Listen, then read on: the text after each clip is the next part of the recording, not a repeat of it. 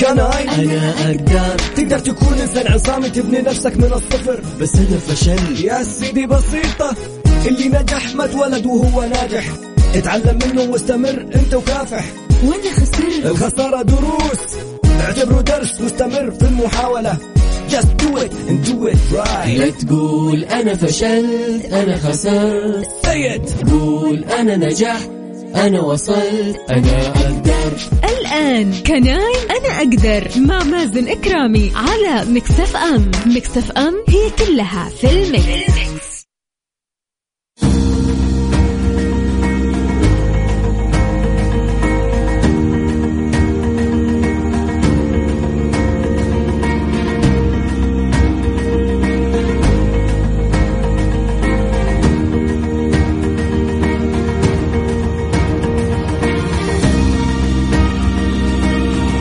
حياكم الله مستمعينا الكرام واهلا وسهلا في الجميع. أكيد مستمرين في برنامج كناي هذا البرنامج اللي يأتيكم يوميا من الاثنين وحتى الأربعاء.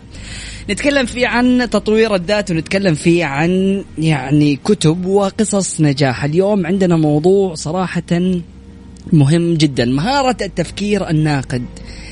Critical thinking وخطوات تنفيذه. طبعا تتيح لك مهارة التفكير النقدي فهم المواقف ومعالجتها بناء على جميع الحقائق والمعلومات المتاحة. عادة ما يتضمن استخدام التفكير النقدي في العمل لمعالجة وتنظيم الحقائق والبيانات وغيرها من المعلومات أيضا لتحديد المشكلة وتطويرها ولوضع الحلول الفعالة. من الجيد التفكير في مهارات التفكير النقدي التي تمتلكها بالفعل وما قد تحتاج إلى تطويره حيث يجب عليك تضمين أقوى مهارات التفكير النقدي في سيرتك الذاتية ومناقشتها أثناء المقابلات. بالإضافة إلى ذلك قد تفكر في تحديد الأهداف واعتماد الممارسات لمساعدتك على بناء مهارات التفكير النقدي اللازمة للنجاح في وظيفتك. في هذا المقاله راح نتكلم اليوم عن آه، تعريف التفكير الناقد الناقد ومفهوم التفكير الناقد أيضا وهو عملية تحليل الحقائق لفهم مشكلة أو موضوع بدقة عالية. خلينا نبدأ في التفكير النقدي أو الناقد ونبدأ بخطواته.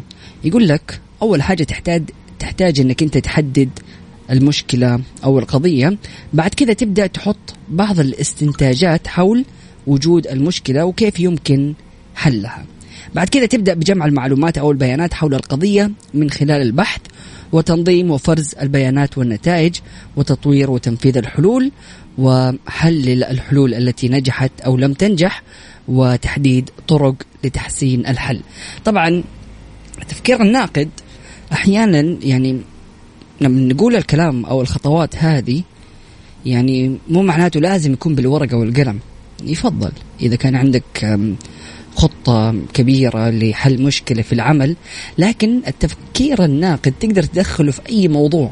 أي أحد يجي يطرح لك موضوع يتكلم معاك في نقطة محددة تقدر إنك أنت حتحدد المشكلة على طول بعد كذا تبدأ تشوف إيش الاستنتاجات حول سبب المشكلة أو القضية اللي أنتم جالسين تتكلموا فيها إيش المسبب في هذا الموضوع. وبعد كذا تبدأ تبحث عن البيانات والمعلومات. يعني إذا جاء واحد قال لك مثلا على سبيل المثال انه والله في حريقة آخر الشارع أو بداية الشارع. الطبيعي إنه الأول ما حتصدقه الثاني ما حتصدقه الثالث إذا جاك وقال لك في حريقه بعد كذا عقلك على طول حيتعامل على هذا الأساس إنه فعلا في حريق. لكن ممكن إنك أنت تجمع المعلومات والبيانات عشان تعرف كيف مثلا صارت هذه الحريقة أو هل هو فعلا حريق يخوف ومضر والمفروض إن أنا أشرد أو لا. لكن طبعا في وقتها يعني أشرد أول شيء بعدين أفكر في التفكير الناقد. لكن يعني بشكل عام أي مشكلة أي قضية أي موضوع بتتكلم فيه تقدر أنك أنت تدخل فيها التفكير الناقد. يقول لك ضروري جدا أنك تكون موضوعيا في التفكير النقدي. وهذا يعني إنه تحليل المشكلة دون السماح للتحيز الشخصي أو العواطف أو الافتراضات بالتأثير على طريقة تفكيرك بها. يعني في معضلة دائما يقول لك اللي هي آه، قصة القطار. معضلة القطار. يقول لك إذا كان عندك الآن قطار يعني وأنت قدامه في المسار القطار متجه إنه هو يقتل خمسة. خلاص في خمسة أشخاص في الطريق جالسين والقطار رايح لهم رايح لهم. حلو؟ لكن عندك أنت الخيار إنك أنت تغير مسار القطار وفي شخص واحد. إنك أنت تودي القطار له وتقتله أو يعني تسبب في الوفاة لهذا الشخص. فالمنطق يقول لك إنك أنت إيش تسوي؟ تحول المسار وحتقول بدل ما خمسة أفراد يروحوا لا أنا أوديها لفرد واحد والفرد الواحد يعني الخسارة أقل. طيب تعال حط نفسك في نفس الموقف لكن خلي الشخص الواحد هذا شخص أنت تعرفه أو شخص أنت عارف بحالته. أو شخص يعني بينك وبينه صلة. هل حتحول المسار ولا لا؟ هذه معضلة صراحة. غالبا الناس حيقولوا لا خلاص طز في الخمسة واللي أنا أعرفه أولى بأنه يكون عايش. فهنا يعني ندخل لمسألة إنه قديش التحيز العاطفي والتحيز الشخصي ممكن إنه هو يعني يخلينا نرتكب قرار أو نقرر قرارات بناء على عواطفنا. ففي التفكير الناقد الناقد ضروري جدا إنك تكون متحيز نطلع لفاصل بسيط وأكيد من بعد متواصلين لا تروح البعيد وستيون حياكم الله مستمعينا الكرام واهلا وسهلا في الجميع أكيد مستمرين في برنامج كناي وبنتكلم عن التفكير الناقد. يعتبر التفكير النقدي مهارة حيوية يجب امتلاكها في هذا المناخ الحالي من المعلومات المضللة والتعقيد. يميز أفضل المفكرين النقديين أنفسهم عن الآخرين لأنهم يمتلكون بعض الخصائص التي تعزز التفكير النقدي. هذه الخصائص أو الاستراتيجية التفكير الناقد تشمل الفضول.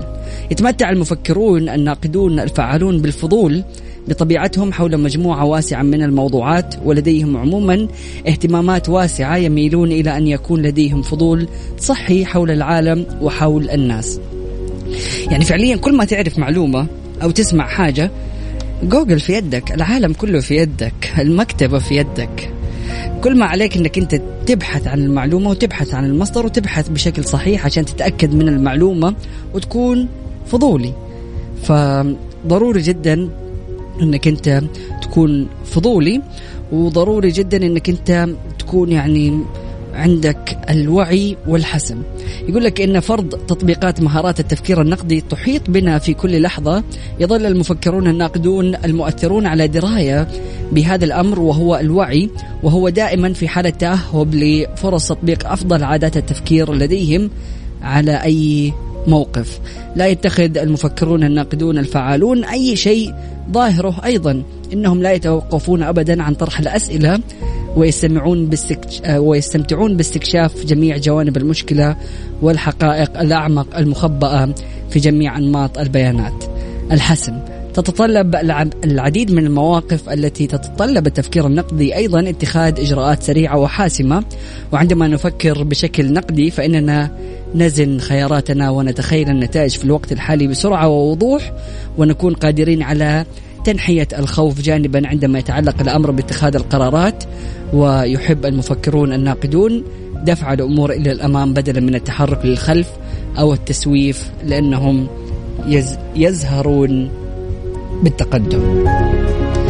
سمعنا الكرام نطلع لفاصل بسيط بعد متواصلين لا تروح البعيد وستيون.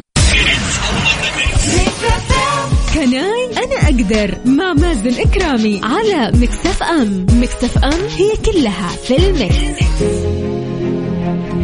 حياكم الله مستمعينا الكرام واهلا وسهلا في الجميع. أكيد مستمرين في برنامج كناي. معكم أخوكم مازن كرامي وجالسين نتكلم في حلقتنا اليوم عن التفكير الناقد الناقد ومفهوم التفكير الناقد. طبعا تقدر تستمع على الحلقة من خلال موقعنا mixfm-sa.com وتروح لبرنامج كناي عشان تسمع الحلقة وتستفيد بشكل أكبر إذا فاتتك الحلقة. لكن نرجع نعيد عن مفهوم التفكير الناقد.